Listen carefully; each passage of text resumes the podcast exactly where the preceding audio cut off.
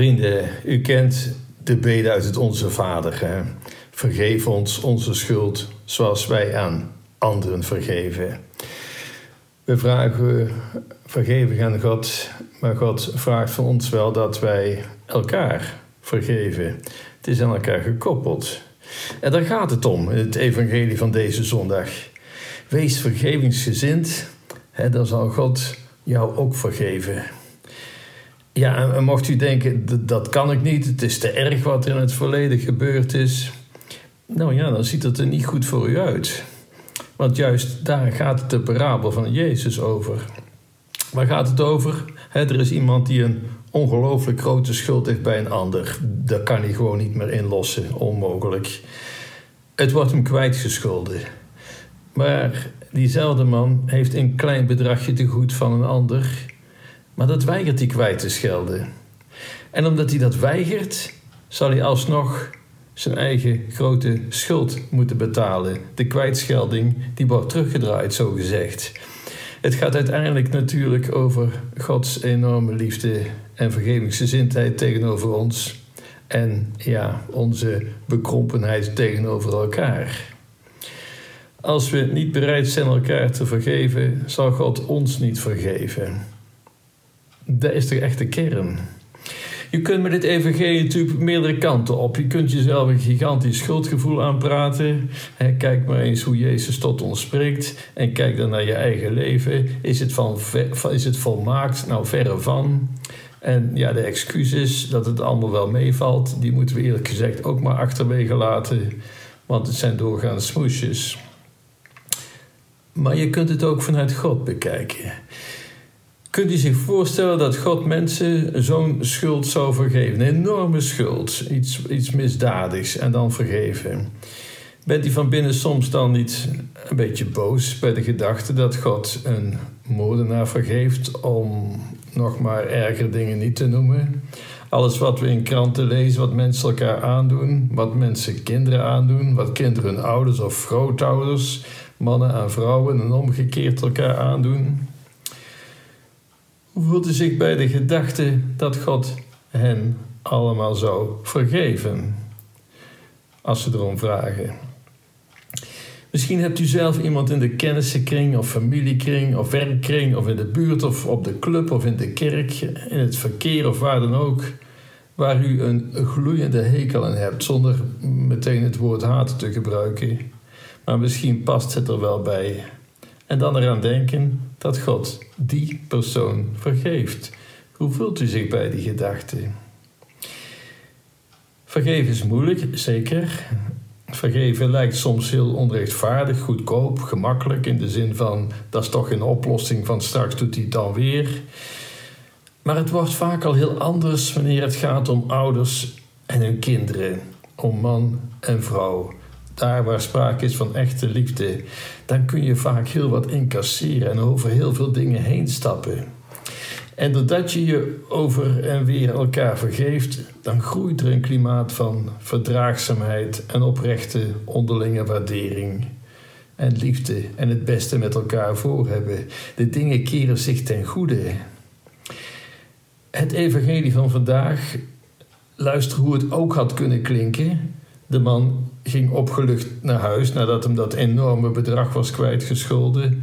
Hij ging naar huis opgelucht om vrouw en kinderen het heugelijke nieuws te vertellen. Hij dat die grote schuld kwijtgescholden is. En wie komt u onderweg tegen? Iemand ja, waar hij een klein bedragje van te goed heeft. En hij zegt hem: Weet je nog wat je me schuldig bent? Ja, natuurlijk, zegt de man, maar alsjeblieft heb geduld met mij en ik zal alles betalen. En dan zegt de eerste lachend: Laat maar, vandaag is mij een zo'n groot bedrag kwijtgescholden. Zo scheld ik jou ook jouw schuld aan mij kwijt. Kom op, we gaan samen een biertje drinken op de goede afloop. Wanneer we ons bewust zijn van Gods vergevende liefde, dan kan er een milddadigheid in ons hart groeien die weldadig is voor anderen en ook voor onszelf. Wanneer we zelf de wetten van barmhartigheid hanteren, dan zullen we eens geoordeeld worden volgens diezelfde wetten van barmhartigheid. Maar wanneer we de wetten van recht en vergelding hanteren, ja, dan zullen ook die wetten eens van toepassing zijn op ons op het ogenblik dat wij onder het oordeel vallen. Ten slot laat ik een verhaaltje vertellen. Dat maakt misschien meer duidelijk dan welke eh, uitleg ook. Er waren eens twee broers die naar een nieuw land trokken. En in dat nieuwe land aangekomen werden ze bij de koning gebracht en die zei: Jullie mogen hier twintig jaar wonen en dan volgt er een test of je mag blijven. Maar wie meer dan een maand in de gevangenis heeft gezeten, die kan in ieder geval niets langer blijven. De broers gingen akkoord. Let op, zei de koning. Het tweede is dat je dan wel onze wetten moet respecteren. Ja, natuurlijk, zeiden de broers. Geef ons maar uw wetboek. Ja, maar daar zit het juist in, zegt de koning. Daar hebben we er twee van. We hebben twee wetboeken. Het ene boek heb ik hier en hij nam een heel groot dik boek tevoorschijn. Hij haalde dat tevoorschijn en zegt: Alles is beschreven waar je recht op hebt, wanneer iemand jou wel en niet moet betalen. Met dit wetboek kun je naar de politie gaan als je buurman overlast bezorgt. Je kunt zelfs de koning voor het gerecht dagen. Dit heet het boek van wet en gerechtigheid, van oordelen en veroordelen. Toen haalde hij het tweede boekje tevoorschijn heel dun. Het heet het boek van barmachtigheid. Er staan maar een paar woorden in.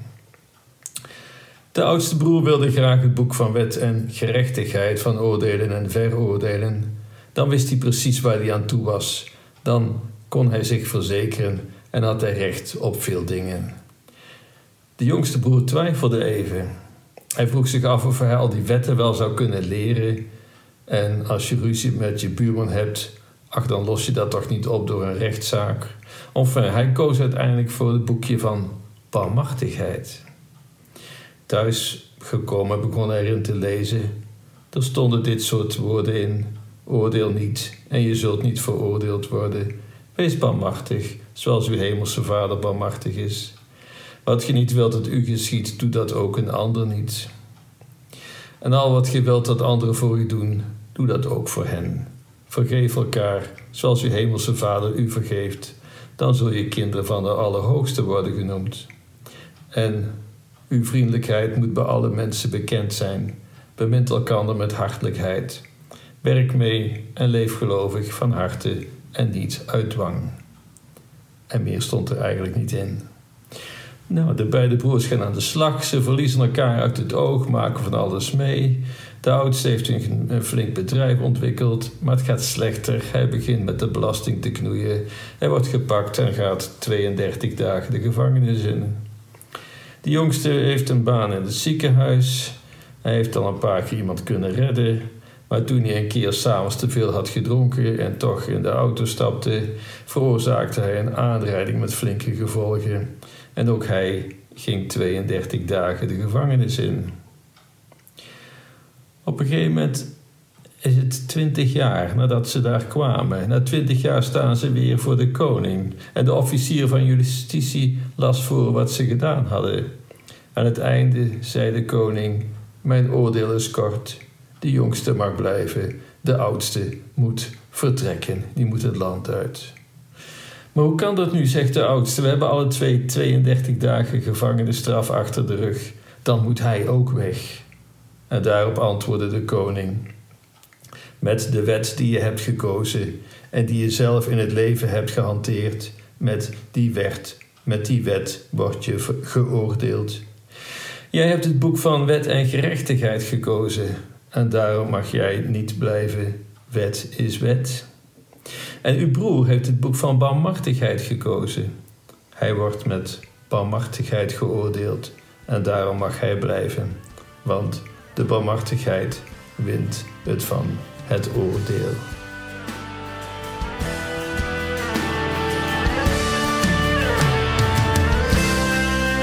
God is liefde, Juig gesagte en bedink wat liefde doen Dat hy ons sy seun gestuur het Om ons sonde te versoen. God is liefde, God is liefde. Juig gesagte en bedink wat liefde doen Dat hy ons sy seun gestuur het almal sonder te versoen. Hy wat hy wat eerste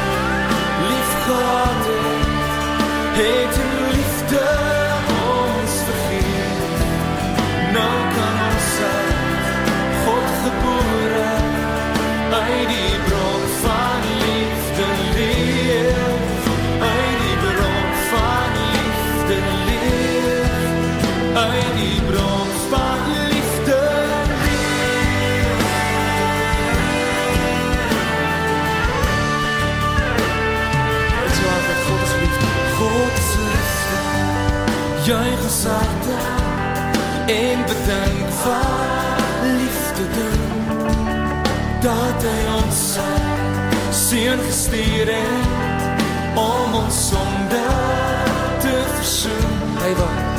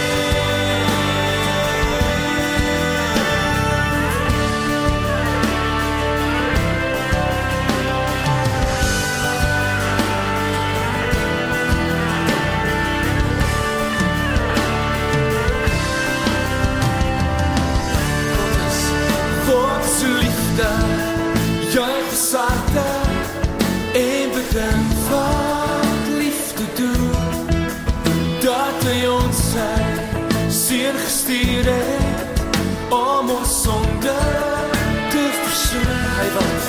Hij dat hier staan.